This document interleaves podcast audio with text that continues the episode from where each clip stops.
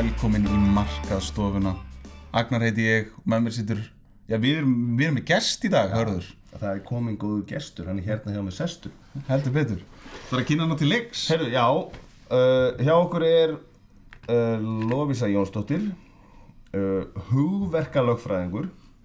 Vertu velkomin. Takk að fyrir. Já, ég hef oft, hérna, ég fekk Lovisu oft hérna til mín þegar ég var að kenna branding til þess að ræða um uh, Vörumarkir rétt. vörumerkja rétt. Rétt er Það? Það er já, vörumerkja rétt en sko, í dag hérna, okkur langaði bara að uh, fá Lovísu til þess að- koma og aðeins að ræða um vörumerkja rétt og eitthvað sluðis en líka kannski spyrja aðeins um hérna, hvað má og hvað má ekki svona varðandi hitt og þetta í marketing Já, ég með ég ætla að setja eitthvað auðlýsingagerð og hvað, hvað má ég taka netinu og, og setja á Facebooki á fyrirtækinu mínu hverju, sko. hverju má ég stela hverju má ég stela? Já, en, en við ætlum að byrja að tala um hérna, kannski svona vörumerkjarétt af því að, að þa- það er nú eiginlega svona af öllu sem að fyrirtæki skrá þá er það kannski helst logoðið sitt. Segðu okkur nú aðeins hvernig það er gert og hvað til hvers Nafni maður sitt það. og logoið og, og það er svona auðkennið, við notum eiginlega frekar orðið sko auðkenni, af því að auðkenni getur verið svo margt, veist, það er nafnið það er vörumerkið eða sérst logoið Já, nú þurfum við að passa okkur svolítið á sem sko hugtökum því að það sem að, að ég kalla vörumerki og því notið orðið Já. brand þú veist, þetta er ekki alltaf Ég ekki þetta er- sko lögfræðilega er ekki sami skilningur sem er þarna bak nei og ekki hjá okkur í markarsæði þá er algjör hrærigrötu fólk segir bara vörumerki og þá meina það bæði getur þýtt bara logoið eða merkið sjálf Já. og líka brandið sem er eitthvað allt Já, annað en bara konseptið í kringum það og- me- já, já. Þannig, að, þannig að það er líklegra að þið lögfræðingar gæti annað. þið er annar það kemur að þessu kannski Nei, við notum auðkenni veist, og vörumerki er bara hvert það sínilega tákt sem hægt er að nota þess að auðkenna vöru eða þjónustu. Já, þetta sé svona sirkabát svona í lögunum veist, án ábyrðar, þetta er ekki, að, ekki með lögin hérna fyrir frammi Já, það skal tekið að þetta er svona, eh, hérna, tökum það fram að þetta podcast er svona nokkuð veginn án á ábyrðar en vissulega með sérfræði þekking. Já, engin, engin lögfræðilega ábyrð tekin á nokkuð sem við segjum. Heyrðu, en sko, þú segir auðkenni ertu, en þið hljótt hvaða orð notið þá yfir logo? Með það myndmerki í það Já, Já, ok. Við notum, ef að það er bara myndluti þá, þá segjum við myndmerki. Ef að það er e, sko, samsett sérst, orð og mynd, þá er það orð og mynd. Já, þannig að venjulega þá byggjum við þetta svona upp í og gott að vera í podcasti ég ætla að gera þetta myndrænt sérst, upp í píramíta þannig að við segjum að, að sko breyðasta viðtakasta verðin er sérst, orðið sem er í grunninn. Það er nafnið. Uh, og við viljum þar að segja ef að það uppfyllir okkar lögfræðilegu kröfur um að vera gott vörumerki sem er ekki, og eiginlega anstæðan við það sem ykkur finnst gott vörumerki sem vörumerki má ekki lýsa. Við, eins og þú veist þetta minn, við hefum átt marga rimmur yfir það hvað er lýsandi vörumerki og hvað ekki. En sagt, vörumerki má ekki lýsa vörunni til þess að, að vera hæft til skráninga, til þess að geta átt enga rétt Já. á vörumerki þá má það ekki lýsinni. Og einfaldast er eiginlega að segja sko, þú, þú getur ekki uh, skráð vörumerkið epli fyrir ávöxtin epli, ekki fyrir Nei, þessa einmitt. matvöru en þú getur skráð fyrir tölfur. Einmitt. Því að það fyrir enginn út í búð og byrður um, sko, hérna uh, inn í tölvuverslun og byrður um epli og býst við að fá ávöxt. Nei, skilji. Þa, þannig að það, það gerur svona greinamunur á því fyrir hvað vörumerkið er notað Já, og, og ef það er sagt, ef þetta er eitthvað orð sem við þekkjum hvort það sé notað fyrir þá vöru og bara sem lýsing á vörunni eða e, með einhverju svona kreatífum hætti eins og Apple gerði Já, með sitt. Síðan erum við bara til með þessi vörumerki sem eru bara búin til og það eru vörumerkin sem að sko, við vörumerkjalögfræðingar elskum því já að sem er eitthvað bara Já. Trapsidonus. Já, ég meina, sko, þegar það var kannski svona fyrsta verkefni sem að ég var ný sem að koma svoleiðis var, var að búa til vörumerki sem hafði ekki merkingu, var aktavis. Já, Það var bara fengið, sko, fyrirtæki sem gerir ekkert annað en að búa til nöfn. Já, einmitt. Og það bara úr grísku, latínu og Það var bara- útöðum tungumál og setur Við byrjuðum með einhverja á 2000 orðum með eitthvað. Svo er þetta svona, svo, veist, svo fer þetta gegnum lögfræðilegu síuna þannig að endar með eitthvað. Já, á meðan að ég er venjulega lendi í því með íslenska viðskiptavinni er að þeir koma með sko babyið sitt sem er Já. nafnið það sem er búið bara, þú veist, amma mín hétt þetta eða, Já. eða hérna, þú veist, einhver æsku minning og eitthvað og, og þú er bara búin að ákveða varan þín að fyrirtækið þitt á að heita þetta og svo kem ég og segi bara sorry, það er til fyrirtæki eða þetta er skráð í eigu einhvers annars og þá fyrir eins eða svipaða vöru og þjónustu og þar, þar lendi getur ekki nota þetta og þá lendir fólk í þessari krísu að það er bara, það er allt annað ljótt. Já, einmitt. þannig að hérna, ég segi alltaf sko, það er algjörlega bannað að verða ástfangin af vörumerki eða bara að- fyrir en ég er búin að klera það. Já. Ég hef líka, ég hef uh, hérna unnið að vöruþróun og svo lendi ég í því nokkrum sinnum að menn bara býtuð, já, urðu ástofnar vinnuheitinu, já, er ekki bara frábært að þetta heiti þetta og bara, þetta var bara vinnuheiti og þannig á, á undir lokin þá var ég bara farin að setja sko K161 nema ég lendi í alvörunni einu sinni í því að menn bara, býtuð, er ekki bara nú veist ég man ekki hvað það var sko er ekki bara fínt að þetta heiti bara K161 eða eitthvað? Og maður bara, í alvörunni að því að allt venst. Allt. Já, já. og fólk getur orðið bara þú veist, það, það mynda, byrjar að mynda innan hús að vinna í ykkur og hann að vinna í texta. eldusinu heima búið til eitthvað fyrirtæki og þú kallar þetta alltaf eitthvað þú veist, gælunafni á ömmuðinni sem að er kannski enn einn það bara, því miður, það er verið að nota þú getur ekki En þetta samt sannar svolítið þetta, þetta point sko að, að það skiptir nafni sjálft, skiptir ekki máli vegna sem því að það er það sem þú setur síðan á bakviða sem er konseptið. gæti Sem verið að, að- það væri þessar sterku jákvæðu og einstöku tengingar sem þú býr til í Ha, hvernig, hvernig býr maður til þessar tengingar við vörumerkið? Já, með marketing. Herðu, ok. Nefnilega nákvæmlega, Gaman þegar við erum svona sammála lögfræðingar og markasfólk það gerist mjög sjaldan. En það eru þetta nákvæmlega máli af því að þú veist, á, það eru þetta gott að velja nafn sem að er flott og búa til merki sem er flott og er eitthvað svona, já þetta er svona áhugavert og þú vilt frekar að þetta sé vel gert en, en að velja bara eitthvað drasl. En síðan er það vinnan í markaðsvinnunni sem fer í að búa til þú veist, allar tilfinningarlegu tengingarna sem þú ætlar að setja á bakveða sem að, sem að hérna, kannski fyrirtækja stopnendurnir er að mynda sko þegar þeir eru að, að hérna, fæða barnið sem er fyrirtækið eða vörumerkið. Herru, ok, þannig að fólk verndar sagt, nafnið á fyrirtækinu sínu Já, þú, þú ert með, sem sagt, já, förum aftur henni mynd, myndrænu uppbygginguna. Það er, sem sagt, þú ert með þarna eitthvað orð sem er nafnið á fyrirtækinu eða nafnið á vörunni, það getur verið hvort sem er. Já, Og þú vilt helst geta bara átt það og, og hérna, skrá það og vendað. en hvað Og segir þá- þú um að uh, leita strax bara, ég þarf að vernd út um allan heim Já, það er, sko, við gerum ákveðna grunnskannanir en að út um allan heim, ég meina, þú veist, það eru örfá fyrirtæki sem eru með vörumerkin sín vernduð út um allan heim. Já. Það er Microsoft og Coke og, og þú veist, Pepsi Og og eitthvað svona. um já, já. en að, þú veist, það, þá ertu bara komin sko í einhverja, eitthvað hildýpi kostnaða Já. sem að enginn á að fara í, sko, nema bara uh, vera algjörlega vissum að það borgi sig. Þannig Já, að það- þú þarft að þarna spila saman sko markasetningin og hvaða marka er skipta þig máli Já, það er, er um, sagt þú, veist, þú, þú vilt vernda það sem þú actually notar það svo geta komið inn svona það sem ég kalla svona jaðarsvæði. Þú veist, segjum sem svo að þú sért með fatnað. Þú veist, þá viltu byrja á að reyna að venda þig í Kína til dæmis. Já, þú veist, að, þú veist, ef þú ætlar að geta komið í vekk fyrir að, að hindra ólöglega sölu frá þessu landi og þá er ég ekki endilega að tala um að vernda það í Kína sjálfu heldur Já. innflutning frá Kína. Já, já, Já skilju, það, þú veist, þú, þá þarftu að vera með einhverja varnir. Já, og það, það, það, við förum út í svoleiðis pælingar með fólki. Já, veist, og svo eru fleiri atrið sem að flækjast fyrir, það er notkunnaskylda verumerkjum eftir ákveðin tíma. Veist, þannig að þetta þarf allt saman að meta í, og haldast í hendur kostnaðurinn, mikilvægi markaðarins. En það sem þú átt fyrst og fremst að horfa á það er, er hvar ertu actually að fara inn með sölu. Ég hitt oft fólkið mitt sem er bara nýbúið að fæða barnið og að sigra heiminn og vill bara skrá allstaðar strax. Já. en það er sko hægar sagt en gert að markasetja vöru í Ástralíu þegar þú býr á Íslandi.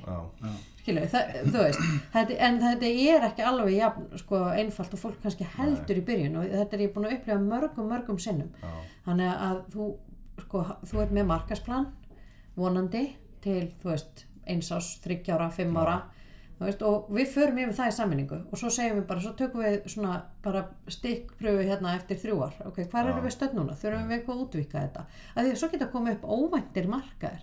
Það getur komið eitthvað spin-off af vöruniðinni sem gerir það að verkum að við þurfum að fara tilbaka og skoða, heyrðu, þú veist, bara ok, þú byrjar hérna framlega matvæli en síðan var það allt hérna hipp og cool, alveg óvart að nota þetta í, þú veist, krem eða eitthvað, já. þú veist, og það er annar vöruflokkur. Já og þá getum við þurft að, þú veist, þá þurfum við að leggja inn viðbóta skráningu Já, og það er Þá- það sem að ég er að gera, sko, þú veist, að passa upp á þetta, að það vendarum fangi En síðast í staðar. að, þá, þú ert alltaf að venda segjum að við höfum venda bæði nafnið og merkið okkar Mhm. er eitthvað fleira sem svona menn er að venda þegar þeir eru að stopna Já, þetta eða er- fara staði Nei, þetta er, sagt, þetta er eiginlega mest spurningin um sko, hvað þú, að því að, að þetta eru sérskráning, orðmerki er, getur verið ein skráning, svo ef þú leggur inn sagt, sam, sem sagt, samsett orð, orðhlutin og myndhlutin, Já. orð og myndmerki, veist, þá er það önnur skráning. Já, Þannig að þú getum lent í því að vera komin sko í þrjá skráningar. Fyrir orðið, fyrir samsett, orð og mynd og svo fyrir myndmerki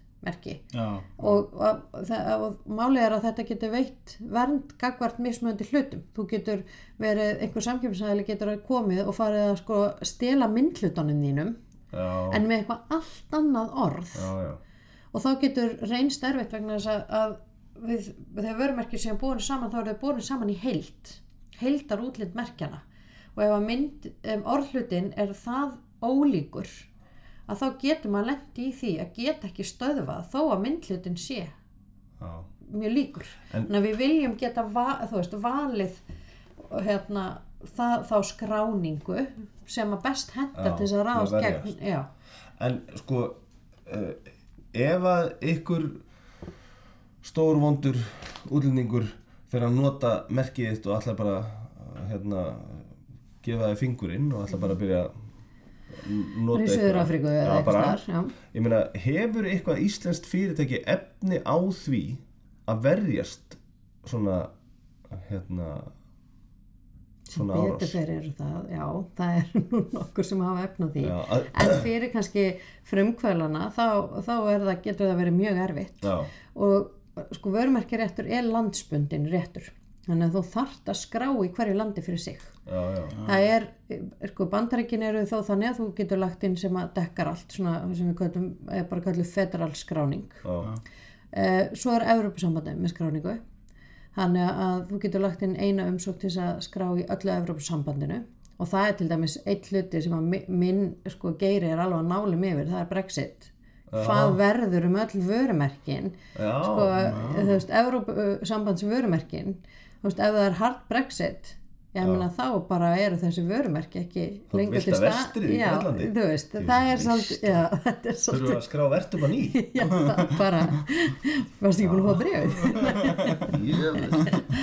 Þannig að það er, er, já. þú veist, en aftur þarna, þarna þarf þetta að meta, skiptir þessi markarði máli, þú veist, hvað er, er þetta líkt eða er þetta nákvæmlega eins? Ég meina, ég hef, er með kunnaði sem er bara búin að taka mynda vörnið þeirra og skráða, þú veist, í einhverjum langt í burtistan löndum, einmitt.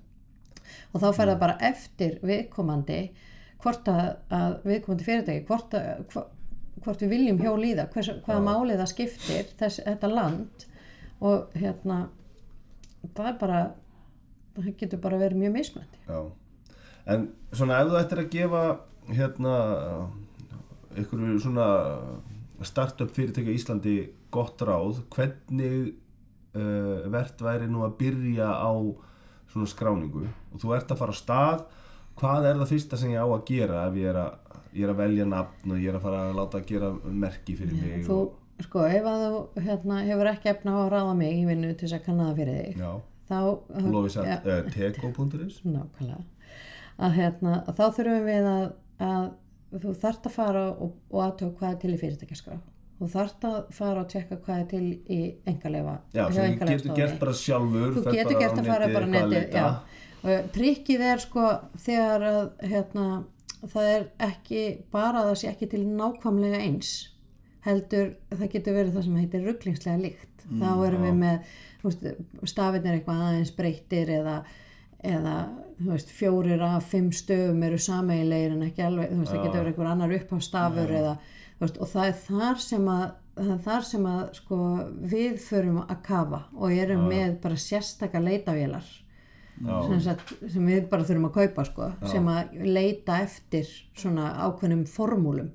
Það, þegar þú ert komin fyrst langt og þarna segja ég aftur, ekki vera bara með eitt nafn verður með nokkur, því að það eru svo miklar líkur á því að ég drepi það sko, ef þú ert bara með eitt það eru alveg langt yfir 50% oftast nær, ef að við erum að tala um að fara út fyrir landsteinina Já, En þetta er svona fyrsta skref.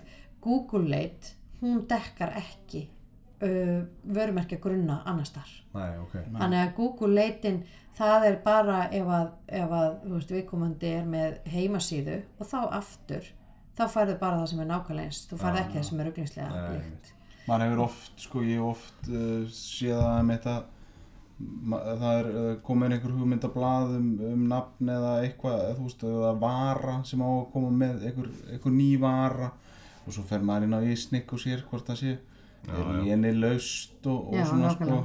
veist, það er svona, eh, þú veist, þú getur ekki googlað það einmitt, sko, þú veist, þú þarf að fara eitthvað og finna þetta á réttu stöðum, Og sko. málið er einhvern veginn að fólk, þetta er, er undir meðutin í fólki að verki að það sem það dregst að á þess að átti sig á því, það er að því að það vekur upp einhver Já. tengsl, einhver hugrenninga tengsl já. við eitthvað annað sko, þú veist, að eitthvað sem að hefur virkað sko, Já. það veist, það er, er ekki, þarna, það er, og bæður þetta gert náttúrulega vísvitandi, en svo er þetta bara líka algjörst slis, fólk bara áttar sig ekki á því, ástæðan fyrir því að þeim finnst þetta vörumerki bara algjör snild er að því að það er svo líkt einhverju öðru sko. og það er hérna og ef að við kannski svona hérna, leifum okkur aðeins að reka í átta svona höfundaréttamálum uh, að þá er kannski uh, eitthvað sem þú hefur séð áður vekur eitthvað svona tilfinningar. En tölum aðeins um hvað má uh, hvað má raun og veru nota. Og þá ég ætla kannski að fá að tala um við þig. Tónlist, ljósmyndir setningar að því að, að þetta er kannski ekki hérna, vörumerkjaréttur en þannig er komin höfundaréttur inn í þetta sem er nú að ykkur leiti skildur kannski eh, hinnu eða kannski Jú, ekki. nei, eð, já, þú veist, já og nei. Það er hérna e, það er sem sagt höfund, sko, hu- hugverkaréttindi eru skipt niður í annars vegar höfund, höfundarétt og síðan hugverkaréttindi á sviði yðnar sem eru vörumerkin hönnun, engaleifi og þetta allt saman. En hérna vegna þess að e, þessi síða, þessi hugverkaréttindi á, e, á sviði yðnar þetta eru allt réttindi sem maður þarf að skrá á meðan að höfundaréttur hann verður bara til. Já, við hann að verður til við já, Já, hann verður til við einmitt. sköpunina. Já, hann er að, að sko, þó að, að séu tvær personur hérna, ein í Danmörku og hinn á Íslandi sem að, að búa til einhverja mynd sem er bara identical en að þær sjá, ekki, þær sjá ekkert hvor aðra skilur, þær vita ekkert af hvor annari þú veist, þá eiga þær báðar þessar manneskjur réttin á sínu hugverki. Já, skilur, og, og það sem að kannski þetta verður mesta klassi sem að við sjáum það er í tónlistinni. Já, skilur, það er veist, að, þetta að, að sanna skilur, hvenar ertu að stela tónlist Já. og hvenar ekki. Já, veist, það getur bara orðið drullu erfitt svo að maður tali fallega eitthinsku Já, Já. en veist, upp á þetta sem þú varst að segja hötti, við vorum að tala um uh, hvað má og hvað má ekki og það, það er mér fannst þessi setning nefnilega svolítið gó- góð, sko, höfundarétta lögin okkar, þau eru, þú veist, þau eru svolítið gömul. Og bara svona vera að bæta við þau, þau eru svolítið eins og bútasömmur þannig að það er algjörlega tímabært líka með, með nýri tækni að fara að endurskoða þessi lög. En grunnstefið er það sem að skipti mestu máli og það er það að sko, lögin fela í sér að aðrir en eigandi slíkra réttinda mega ekki nota umrætt réttindi heimildalaust í atvinnuskinni og hérna er þetta Já. orð atvinnuskinni er líkillinn það er höfundarétturinn hann skiptist annars vegar í sko heiðusréttin, æruna það er að þú getur aldrei þó að, þó að hérna, þú veist, tolli selur frá sér mynd Mhm. skilur, og eigandinn á myndina að hérna, hann má selja hana aftur skilur, og fær sinn pening fyrir að selja sína mynd. En heiðurinn á myndinni á alltaf tolli. Já, ok. hann, hann, veist, það verður aldrei frá honum tekið. Nei. þú getur ekki framselt þennan rétt. Þú veist, þú, ekki ekki, þú veist, að það skiptir engum máli hvað það er. Það, þessi að þessi réttur að vera eignað verkið það, það fylgir þeim sem skapaði verkið. Já, þú getur hins vegar selt réttin til þess að að afla þér tekna, fá peninga Já. af verkinu. Já, það getur selt til þriðaðila þú getur sett myndirna þeinar í einhvern svona banka sem selur þær síðan. Þú veist, og þú færð pening fyrir það og þau fá eitthvað kött af því eða, eða þú færð eitthvað kött af því skilur Þa, það er, fjárhastlegi hlutin hann er umsemjanlegur. Skilur, og þú getur framselt hann. Þannig að hérna en síðan kemur svona einhver þriðja aðili þú veist, þú ringir og bara, heyrðu, ég ætla að fá hérna að nota þetta lag hérna þú veist. Og þú mátt ekki gera það heimildalaust vegna þess að þú ert að nota það Í atvinnuskyni? í, í atvinnuskyni. Þú, ok, en ef ég er að gera eins og podcast mm, og og hérna, nú má spila sérst, sum listaverk má spila bara eins og tónlist í útvarpi Mhm. og það þarf ekkert að spurja um leifi þú bara spilar þetta já, en þú þarf samt að greiða eitthvað svona steg en eins og hérna, ef ég ákveð að spila bara Joss Groban hérna. Mhm, þá ættir að borga. Lions Jóhannes Helga. Já. Nei, þú veist, hverju má ég að borga? Og þarf ég að borga. Já, því ef þú far, ef þú ert farin að leika höfundaréttavarið verk Mm. fyrir almenning þá, e, þá taka stefgjöldin við. Og það er, er stef sem innheimtir þau gjöld. Ok þannig að það hefur og bara þeir liggja nú ekkert á liði sínu við einhemda er það. Nei, nei, þau eru bara mjög til já, já, já, þau, þau gera það. Já. og það er eh, sko hérna minna, þið, sko, eins og við, maður hefur séð með þetta tímabil þegar var svona vilta velt- vestri finnst mér sko þegar allir voru að downloada hérna. Napster Já, nákvæmlega. Vita allir yfir færtu hvað það er, engin undir. Ég veit. Bara hvað LimeWire er. Já, já, en, en hérna, þú veist að, að síðan koma þessar veitur eins og Spotify Já. þar sem að, að sko, þá fara höfundanir aftur að fá greiðslur. Fólk vill ekki þú veist, það vildi ekkit vera að stela þessu þú veist, þarna kemur sko tæknin er eiginlega undan lögunum og reglunum sem er í gildi Skilur, og maður bara, ég, þú veist, ég var leðilegsta mamma í bara geimi sko, af því að það mátti ekki downloada á mínu heimili og þú veist, ég var með unga drengi á sinn tíma og ég, var að segja, svo Mamma var mín og Já. pappi vissi ekki hvað það Já, var nei, nákvæmlega Down En- ha. já. en það sem að mér þótti svo óþjólandi var það að ég gat hverki á þessum tíma farið og keift þetta Nei. með löglegum hætti Nei, einmitt Já, skilur við. En nú erum við nú búið að leysa það vandamál og þá sjáu þið líka það er engin veist, það er engin lengur að downloada Nei, lög. Downloada tónlist. Það er bara ómikið vesen. Já, Bara að það já, miklu þægilega að opna bara Spotify eða hvað hann nú heitir veist, sem er til. Þannig að þú veist, þú, þú, en þú mátt þú veist, þú mátt þetta ekki. Þú mátt ekki nota verk annar hvort sem það er tónlist eða myndir eða þú veist, hvað hann nú heitir um, í atvinnuskinni Ég, mér langar að spyrja eitthvað spurningu í með þetta, það er svona maður sér þetta rosalega mikið sérstaklega þú veist, líkamsrættastöðvar eitthvað svona fitnessvörur og annað. Uh, uh, getur maður séð þetta þú veist á Facebook, Instagram, þessum svona samfélagsmiðlum. Uh, eitthvað kvót þú veist eitthvað sko kvót sem kemur frá Michael Jordan til dæmis. Já. hérna ég skaut þetta mörgum þú veist ég klikka á svona mörgum vítum og svona og svona en það er það sem að gerði mig að mistara og þetta er í einhverju þú veist, í einhverju með einhverju grafík og eitthvað og það stendur vissulega Michael Jordan undir þarna eitthvað, eitthvað kvót og svo er þetta sponsoraður postur skilju, hann er bústaður. Ná að vekja aðtekli á fyrirtækinu eða vörunni sem að hangir við postin skilju, skilju við- já, já, já. Þannig að þú ert eiginlega að tala um að hérna bara, þú veist, ABC, EHF ok, nú er það örgulega til, segjum, þú veist, K161 EHF skilur, gerir þetta fyrir sína vöru. Og er ekki með neitt samning við Michael Jordan eða, eða þú veist, hans agency? Það má ekki. Má ekki? Nei, ekki, ekki þú veist, þú ert í atvinnu skyni að nota. Já, en ég sem en þú ert líka búin að, þú ert líka þarna skilur, jú, hann á þetta kvót Já. skilur, en hann er bara brand. já, skilur, þú ert að tengja þig með órétt með, sko, þú veist ég ætla bara að setja samt sem áður fyrir var á þetta en mi, mitt initial er bara nei, þú veist. Ég, þetta er, er þekkt aldrei að- þú veist, þú ert að, þú ert að skapa þarna hugreiningatengsl millir þinnar vöru og, og þessa einstaklings og, og veist, og hans svona branding í atvinnuskinni En ef ég væri með setningu, það er bara Bergur Halldórsson sem engi veit hver er. hann sagði eitthvað Dótti minn, Dótti, ekki. Eitthvað svona, hann sagði eitthvað rosa sniðu bara áfram áfram. Og, og hann sagði eitthvað og mér finnst það geggja og ég set það. Já, en þannig að þá- þá- hann er ekki persónlegt uh, vörumerki hann er ekki, eða, þú veist, Nei, hann en er þú ert ekki samt að nota sko persónlegt kvót frá Já. honum. veist þarna, þarna ég, ég meina ég kaupi það alveg skilur þetta verður svona að skrára, veit enginn hver þetta er og þetta getur bara verið frangandastjórun hjá þessu fyrirtæki eða eitthvað skilur En- já, ok. en ef að hann kemur og segir, heyrðu þú veist ég frétti hérna í fermingunni þú veist, flateri að, að þú veist ég er bara komin sett hann mig hérna.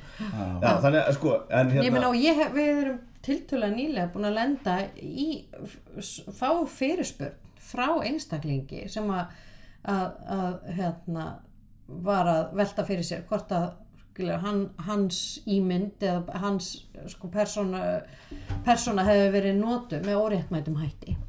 Veist, eldgamalt og eitthvað þarf, það veist, við þurftum að, að skoða þetta. Já, en, en það er allt sem er tengt personu veist, það ræ, því ræður personan yfir og hvort sem það er Michael Jordan eða Bergur Haldursson Já. veist, sem að, að býr til þessa setningu skapar þetta slagorð. En að er hans skrá, þarf hann ekki að skráða nei, höfundaréttur er ekki skráður. En þe- Þetta finnst mér svolítið magna sko, þarna er einhver, einhver ég, ég geti tekið viðtal sem fjöl, ef ég verið fjölmiðlamæður, ég tek viðtal og einhver segir eitthvað sem er alveg rándir setning, þú Já. veist Eitthvað eitthvað, þú veist, lækur til að litnum að steina eða eitthvað svona. Og þetta fer á eitthvað flug að sko það, það er akkurat þetta orð í atvinnuskyni.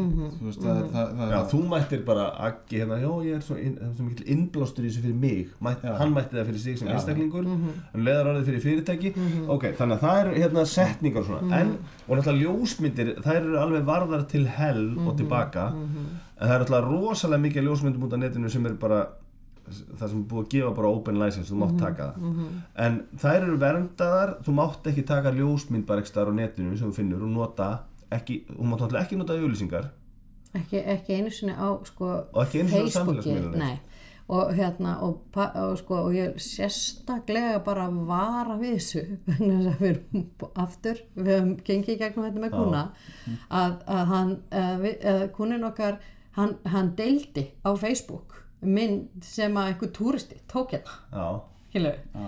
og hérna bara hei, þú veist hérna Shang Wang eitthvað, Já. þú veist, geðug myndtjáður eitthvað fyrirtækja síða eh, kom í ljós að við komum til bjóð í Þískalandi og þar er bara eitthvað automatist batteri sem bara uh, hérna, veitir þér 5.000 eurur í damages fyrir óréttmæta notkun á ljósmyndi þinni eigu og það er bara sko, við, ég veit ekki hvað við tölum við marga lögmenn hann úti bara til þess að negla þetta, þetta væri bara svona og það borgaði sig ekki fyrir okkur að fara með þetta lengra.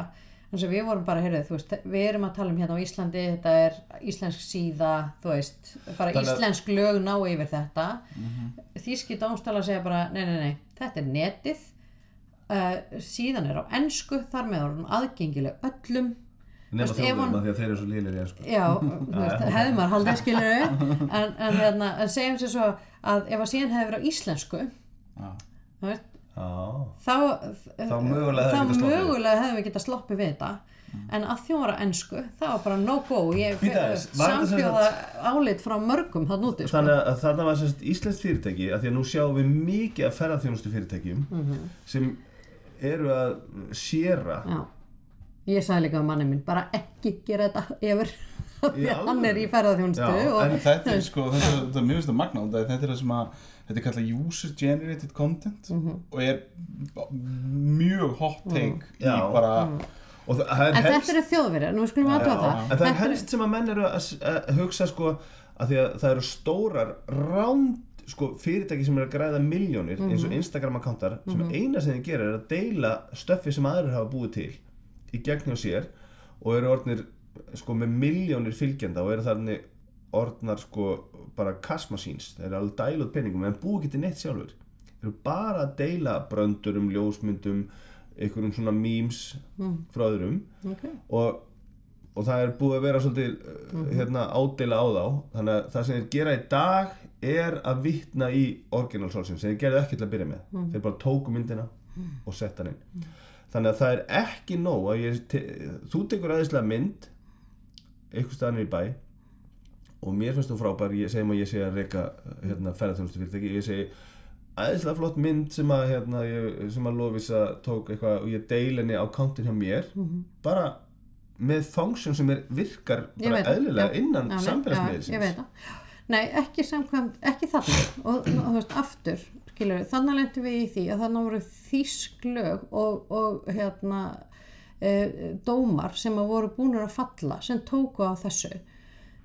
Staðan getur önnur í Breitlandi já, þannig ef eigandinn er í Breitlandi og þeirra system er ekki komið á þennan stað veist, þá sleppur en, en þa þarna aftur sko, talandi um að höfundalögin hafa ekki alveg fyllt með þú veist, og ekki bara hjá okkur. Þú veist, þetta er ástæðan fyrir því að það er verið að, að endurskoða í sko, Evropasambandinu og það er nú mjög, mjög umdilt af því að fólk finnst vera sko of vei, mikið vegið að frelsinu á internetinu, þar, þar að leiðandi er þetta rosalega umdilt en að móti kemur að, að fólk vil síðan líka alltaf sko eiga réttin, fjárhagslega réttin á sínum verkum veist, það getur orðið alveg brjála eins og það var hérna fyrir nokkrum árum af því að þú veist, þá bara var að ljósta þú veist, það, hérna, þú gætir ekki hérna, downloadað Já. meðan það var mm það er bara komið í vekk fyrir það. Og, og hérna, þá voru allir brjálaðir skilur höfðu reyndar margir hverjir einhver aðra, aðra yfirbreysli yfir það síðan fóru þær breytingar ekki í gegn, nú er aftur verið að breyta. Og það er verið að gera sko uh, hérna milliliðina, þú veist, ábyrga fyrir já, dreifingu á ólöglegum hlutum. Já, já, veist, og þetta er að fólk náttúrulega fer alltaf að horfa á það sem er sér næst sko, veist, eitthvað svona einfalt eins og að geta hort á mynd eða, eða vestlað, þú veist, á AliExpress hérna, mm.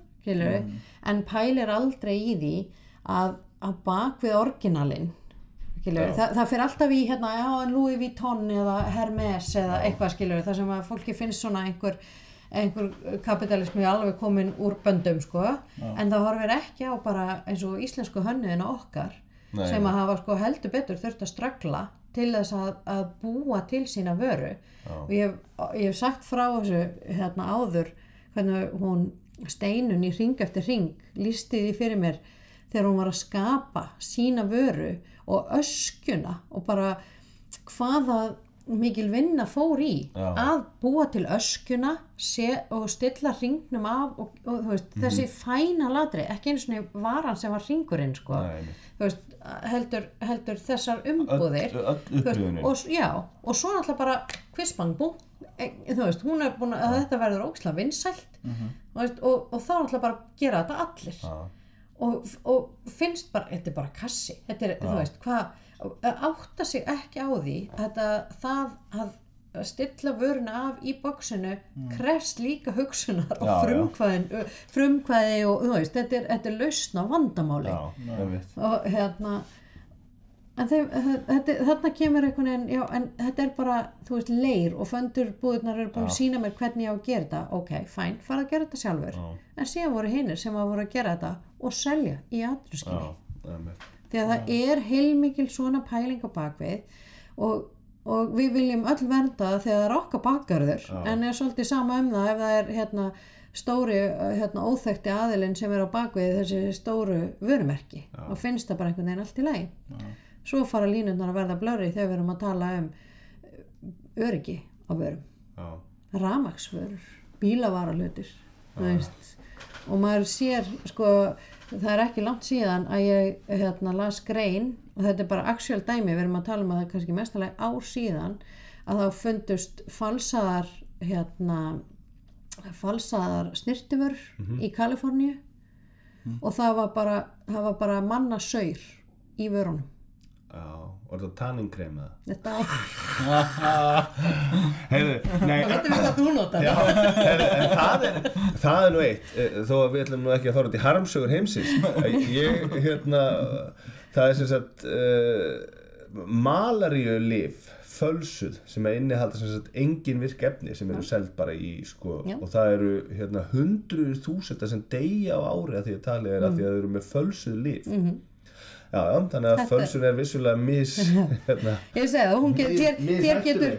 Þér getur fundist þetta ekkert mál þegar það er einhver handtaska, skilur já, já. eða þegar maður er að stela ykkur lagi frá Já, R. Kelly að því að hann er nú helviti skítæll já, eða eitthvað, þú veist, Já, já, hann þarf ekki að fá stefgjöld frá mér sko, Nei, hann er á svo mikið pening og eitthvað, já.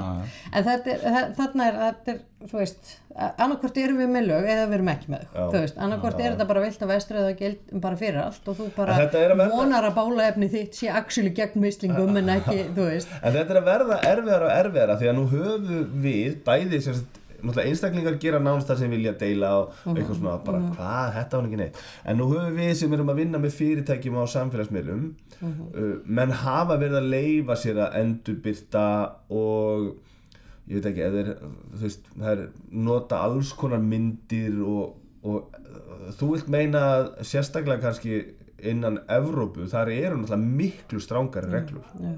Að þá þurfi fyrirtæki að fara að hugsa sig um og eiginlega bara Já. passa að búa til sitt eigið efni sko, hérna það, það innan Európu klálega og þar er verið að styrkja þessar varnir Já. í bandarækjunum er, er eh, ekki verið að styrkja þær með sama hætti en hins vegar er það það að þú getur náttúrulega bara veist farið í mál gegn hverjum einum með að hóta því Já. skilur, í bandarækjunum bara bara að þú fær bara hérna season desist bref og þú verður bara bregðast við því og, og það er hægt að fara í mál við þig. Já. og það er ekki ekki ódýrt að lenda í slíku. Þó að þú setja alls aklaus kannski eða hafa, veist, þetta hafa ekki staðið til að gera né neitt sko. þannig að maður þarf að fara valega og það- ég meina einfaldasta leiðin er náttúrulega bara að tryggja það að þegar, það sem er verið að nota í markasefni það sé leifi fyrir notkunn á því. Já. og Ekki á við vera að taka neinn- ljósmyndir, tónlist já, uh, hérna, en ég þá spyrja þig svona uh, varðandi svona hérna, sem að við sjáum oft sem eru kannski svona koncept og hver, hver á að geta dreigið línuna? Mhm. hvenar þú ert að verða fyrir innblæstri og Mhm. hvenar þú ert að stela? Hvernig, hvernig óskupunum á ykkur að geta séð hvar þessi lína er? Sko það er eh, hérna, ok, ef við erum að tala um um konsept eins og þú veist, veitingastæður uh, við erum nú til dæmis með bara dómsmál hér. Já, þar sem að, að, að hérna, Susi Samba var gert að Já. breyta nafninu sínu. Alveg og, og hérna í Susi Social. Og uh, held ég sem ég verð að segja mér finnst ekki góð breyting á nafni. Mér finnst Sushi Social eitthvað svo upptekið í augnablikinu social, samfélagsmiðlar eitthvað svona social media. Mér finnst það ekki vel valið nafn Það mjög góð staður en Já. mér finnst nafni sem þið völdu sér ekki nógu gott. Nei. Ég bara hef, enga, hef ekki eins og pælt í þessu Nei. en hann er ekki eins og hafa skoðan því. En, en hins vegar sem sagt eh, Já, fyrir, þeir fyrir stálu sem náttúrulega sagt, nafninu.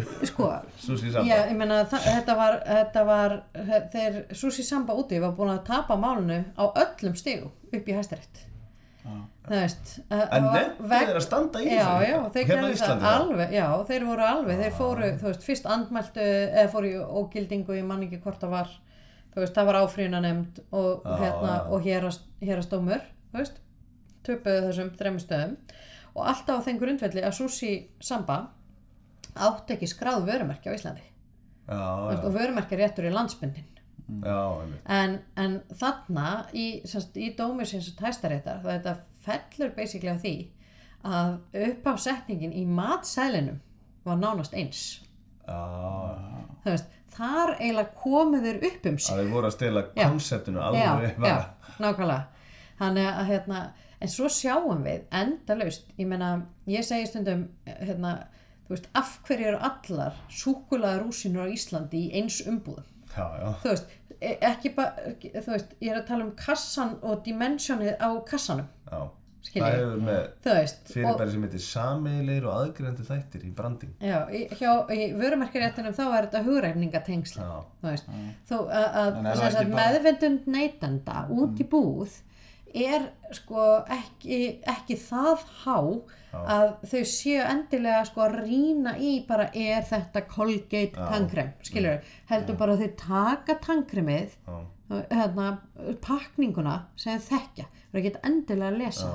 En það er svona sem að við segjum sko þegar við erum að færa rauk lögfræðilega að neytendunir er ekki endilega með vörumerkin hlið við hlið eins og við erum með það í segist, okkar, okkar málflutningi þá erum við alltaf með þetta hlið við hlið og hérna sjáðu Já, og sí- og sín- já, og sína þannig. En neytendur út í búð er ekkert endilega með þetta sama. Og við erum með þetta frá sko útliti umbúða upp í, þú veist, upp í veitingastadi eða, eða eins og við hérna höfum líka séð bara sko auglýsingu sem er notuð í Bretlandi til þess að, að auglýsa eitthvað tryggingafélag eða eitthvað skilur við einhver bátadæmi og svo væri hún notuð hérna fyrir einhverja fiskbúð eða, eða sjáar Það er útvegsfyrirtæki svona konseptinu er Já. eiginlega stólið. Já, þú veist það er bara búið til eins auglýsing af einhverju manni á bát út á sjó eitthvað, Við höfum séð þetta alveg á Íslandi, það er auglýsing sem er næstu í bara stundum nálagt Já. í ramma fyrir ramma Já. eins en er ekki endilega auglýsing sama hlutin sko. En þarna ertu að mínu mati Mm. og notabenni, mínu mati eh, með öllum fyrirvörum en þú veist, þa- þarna ertu að taka hugverk einhvers annars veist, og nota það í atvinnuskinni því að, að, að sko, fiskvinnslu fyrirtækið sem að þú ert að er þinn kunni hefur ekki hugmynd um það nei, að, að hérna, einhvað tryggingafélag út í Breitlandi hafi, hafi greitt annar auglýsingastofu fyrir þetta konsept einmitt. Skilur Og, svo rukkar íslenska stofan já, já, en svo skulum við líka þú veist, aðtöða það að svo fer þetta sjárótisfyrirtæki að færa út kvíarnar og fer að auglýsa í Breitlandi og á hvern ræðst þá tryggingafélagið? Ekki íslensku auglýsingastofuna sko. Nei. Veist. ekki í merkingunni íslenska Nei, nei, nei, nei, ekki já, á auglýsingastofuna á heldur Íslandi, nákvæmlega, Já. afsakið, já, ég fatt að þetta er ekki talandi um lýsandi verumerki en, þetta var mennska á Íslandi að til allir tösk og hanskabúðin já, já, allir gert það, var bara settir alltaf bara, hér er voru, mín og í svo okkar eitthvað fyrstu kynni voru venlega, nei, hörður, þú mátt þetta ekki. Þegar þú varst hjá okkur fyrirtæki þannig að hérna en já, skiljiði mig. Veist, þarna er og, og þarna er einlega íslenski framleiðandinn þú veist, sem er þá svo auglýsingastofa sem bjóð til þessa auglýsingu. Hún er svolítið varin sko, Já. síðan.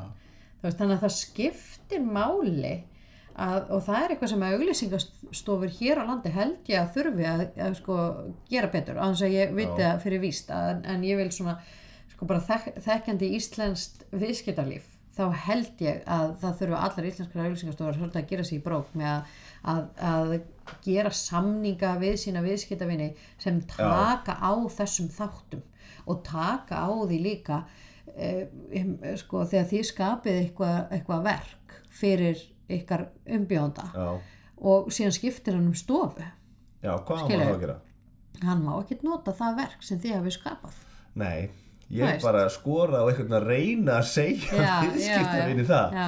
Við basically gáðast nú bara upp á því. Við höfum bara látið okkar Já, en það er samt sem áður þannig sko, vegna þess að þannig erum við að tala um að, að nema að um annað sé samið. Já, veist, og það sk- skilur við og þó að þú hérna hafir borgað fyrir það skilur þú út að borga þarna fyrir einhver ákveðna byrtingar og veist, einhver ákveðna notkun sko en, en þannig erum við að tala um sko æru réttin má segja Já, sko, við höfum- hver á verki í, í hvers hausi var það skapað? Já, við höfum haft eh, sko í texta í okkar samstæðsamningum stendur í grunninn að þú færð sem sagt notkunarétt Mm. til eilíðar sko, þú mátt nota auglýsinguna eins lengi þú vilt. Mm. og þá er aftur á móti ef að náttúrulega mótil í, í mynd eða eitthvað í mm. sjónvarsauðlýsingum er með stýttir samlinga þá náttúrulega breytir það. En við höfum sérst viðskiptafinnar okkur hafa eilíðar notkunarétt en við eigum samt höfundaréttin og það er aðalega gert til þess að að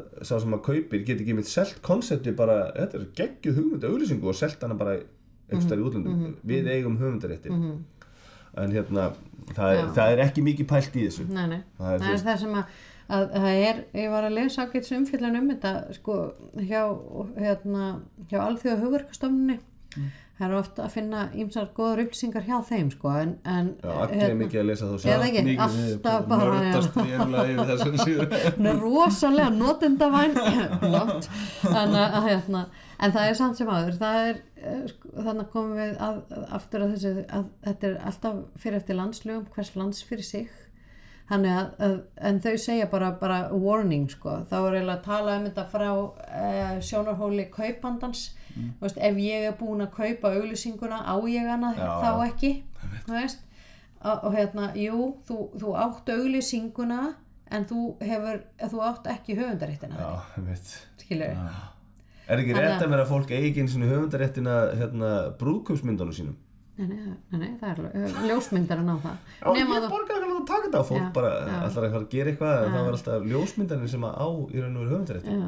En, en hérna ekki nema að hafa náttúrulega samið um sko Já. annað og, og þú veist, en, en við skulum líka að það að ljósmyndarinn hefur síðan ekki leifi Til að selja. til þess að selja sko myndir af þér Nei, í atvinnuskinni skilja, það má ekki nota ímynd þína einstaklingsins í atvinnuskinni Að Heyrðu, en svona af því að þessi 15 minna þáttur er ekki lengur 15 minnir nefnum hlustir á hann á þreföldum þegar ég er hraða. það er svo ógeðslega skemmtilegt. Já, herri, en það sem að, en að því við vorum að tala um á hann svona að breyti ykkur, að því að til dæmis uh, við gerum ykkur auðlýsingu fyrir ykkur, svo kannski fer hann annað, eða á hinn veginn, ykkur var ykkur stærri viðskiptum, kemur síðan hingað við með ykkur auðlýsingu, megum við aðlaga auðlýsingu að beðni viðskiptavinur okkar sem að var búin til annar staðar. þetta erum við komin á gráasvæði sko Já. Já.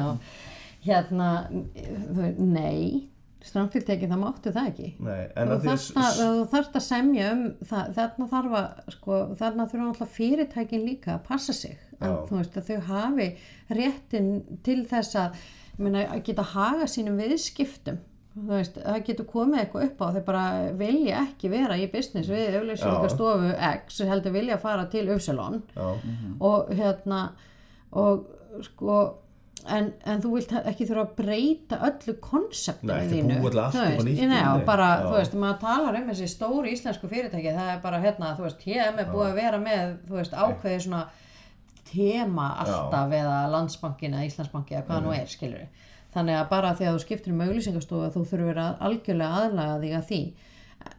En þannig kemur sko, er, er, er það konkrétt verkið? Er það, þú veist, myndin sem þið bjögguð til auglýsingastofa X sem er verið að breyta? Þú veist, þá ert að eiga við hugverk einhvers Já. annars En- en, en ef þetta er veist, þessi bara andi veist, við erum ekki að tala þarna um þarna þurfum við að taka skráði vörumerki út fyrir sögja því að það er orðið skráður eignaréttur fyrirtækisins, ég er að gefa mér að bara gröndu til notkunnar eða skráningar að það sé bara orðið veist, rétturinn þar. En þegar við erum að, að einmitt, breyta ein, einhver, einhverju litlu. Bara eitthvað prentauðlýsingu að vera að breyta þú veist, einhverjum texta kannski, breyta fyrirsögninni og eitthvað svona. Já, breyta bara textanum en að öðru leiti Já, var að verkið nota- skapað af einhverjum öðrum. Þá þarftu að borga hinnum eða semja við hann. Ég myndi segja það sko. Ég nú að veit ég ekki hvort það hafa einhvern tíma fallið einhverju dómar um þetta hérna eða einhverju ákvarðanir sko, heilt yfir eru nefnilega auðlýsingastofur ekki því að elda þetta. Líklega vegna þess að allir viðskiptafinni færi hringi sko, það verður með einhver leiðindi við viðskiptafinn A. Að þá kemur hann aldrei aftur en Nei, annars bara ná- fara allir viðskiptafinni já, hringi já, og að þú hittir allar tvisar í viðskiptum sko. en það er en, svolítið en með þetta að þú sagði sko nú er hérna logo eða vörumerkið skráð Mhm. ef að þá að vill láta gera uppfæslu eða breytingu á merkinu, logoinu þínu Mhm. og það var búið til á, vörum, á auðlýsingastofu X Mhm. og hvernig er fyrirtæki, hvað er rétt við þá, var, fyrirtæki? þá er, vantilega verið að skapa nýtt verk sko. Nei, ef það er bara verið að aðlaga uppfæra þú veist, svona bara uh, tvíkað eitthvað smá Já, eða breytum bara- lit Já, breytum liti já, og kannski já, að laga form til og eða bara svona eitthvað svona uppfasta meina, En þannig erum, við- aftur komin í það, erum við, er verið að sko, vega að heiðri eh, Upphaflega. ja, höfundarins eða er verið að skapa nýtt verk. þannig að þó að fyrirtæki sem er skráð sko þú mátt skapa nýtt verk, skilur, þú getur tekið eitthvað og þú veist, búið til úr því eitthvað annað verk. Þa- Þannig erum við aftur komin í þetta í atvinnuskinni. Er Já. þetta, þú veist, ert þú að gera þetta til þess að græða peninga á því? Þú veist, auðlýsingastofur eru það nú held ég oftast, ég meina að allir þurfa að borða. Þannig að hérna, en já, þetta er, þú veist, ég bara, við höfum ekki svona einhvern skýran úrskur mér vitandi með Nei, öllum um- fyrirvörum um nákvæmlega þetta. nei, mitt Af því að fyrirtæki svona uh, gera þetta gjarnan, það er verið að uppfæra merkin, mm, já, þeirra og já, laga þau til, en þú veist, má bara í, það? tíða, í tíðaranda Já, og, og hérna sko vörumerkjaréttalega, þá máttu það Ok. höfundaréttalega Þá er þá, flóknara. get, já, þá gæti það verið flóknara Hver sagði að það væri ekki gagna lögfræðingum? Það er að lögfræðingar eru öðrum lögfræðingum til gags að búa til vinnu. Já. Til þess að geta rifist um það, hvort það má og hvort það má ekki. þess vegna heldur að sé svona margir lögfrængar á þingi að búta til Já, það flækja þetta alveg virkilega. Heyrðu, já, ok. En þannig að það er ótt að segja að þetta geti verið drullu flókið, en, En til það að draga ekki að saman, vera það. það þarf ekki að vera það. Ok, en til að draga saman, hverju má ég stela og nota svona, bara, Af e, vild. e, verður ekki að stela ok, ekki til stela. verður bara hugmyndaríkur skapari Ok, þannig að maður þarf bara að skapa og verndaði þitt Ok. Já. Alright, þá veitum við það Þið megið ekki stela myndum eða tónlist eða neinu Og fyrir þá sem hafa eru búin að hlusta og við erum núna herðu, já, það er hugmynd í maganum og þeir ætla að fara að græða og gera og þeir, já það er nú kannski rétt að ég fara að tala við hann og lofi þessu. Hvernig getur hann sett sig í sambandi við? við erum með fyrirtæki sem heitir Tego T-E-G-O Er það skráð? það er skráðvörumerki bara tego.is og, og svo er bara hægt að senda mér línu lovisa.tego.is eða bara á tego.tego.is já Ok. Og, og dæla á okkur spurningum og svo Excellent. sendum við reikning og nei, það er eitthvað sem að lögfræðingar kunna þá er það. Nei, er, við erum sko komast ekki að hálf kristi við endurskoðendur Það er alltaf að finna einhvern til að bera saman. Nei, Herri, það Takk var fyrir ekki- komuna. Já, takk Þetta var mjög áhugavert. Og þessar 15 mínútur urðu 50 og eitthvað. Engu kennslustund, Já. Herri, ok, takk fyrir í dag. Já, takk takk, fyrir mig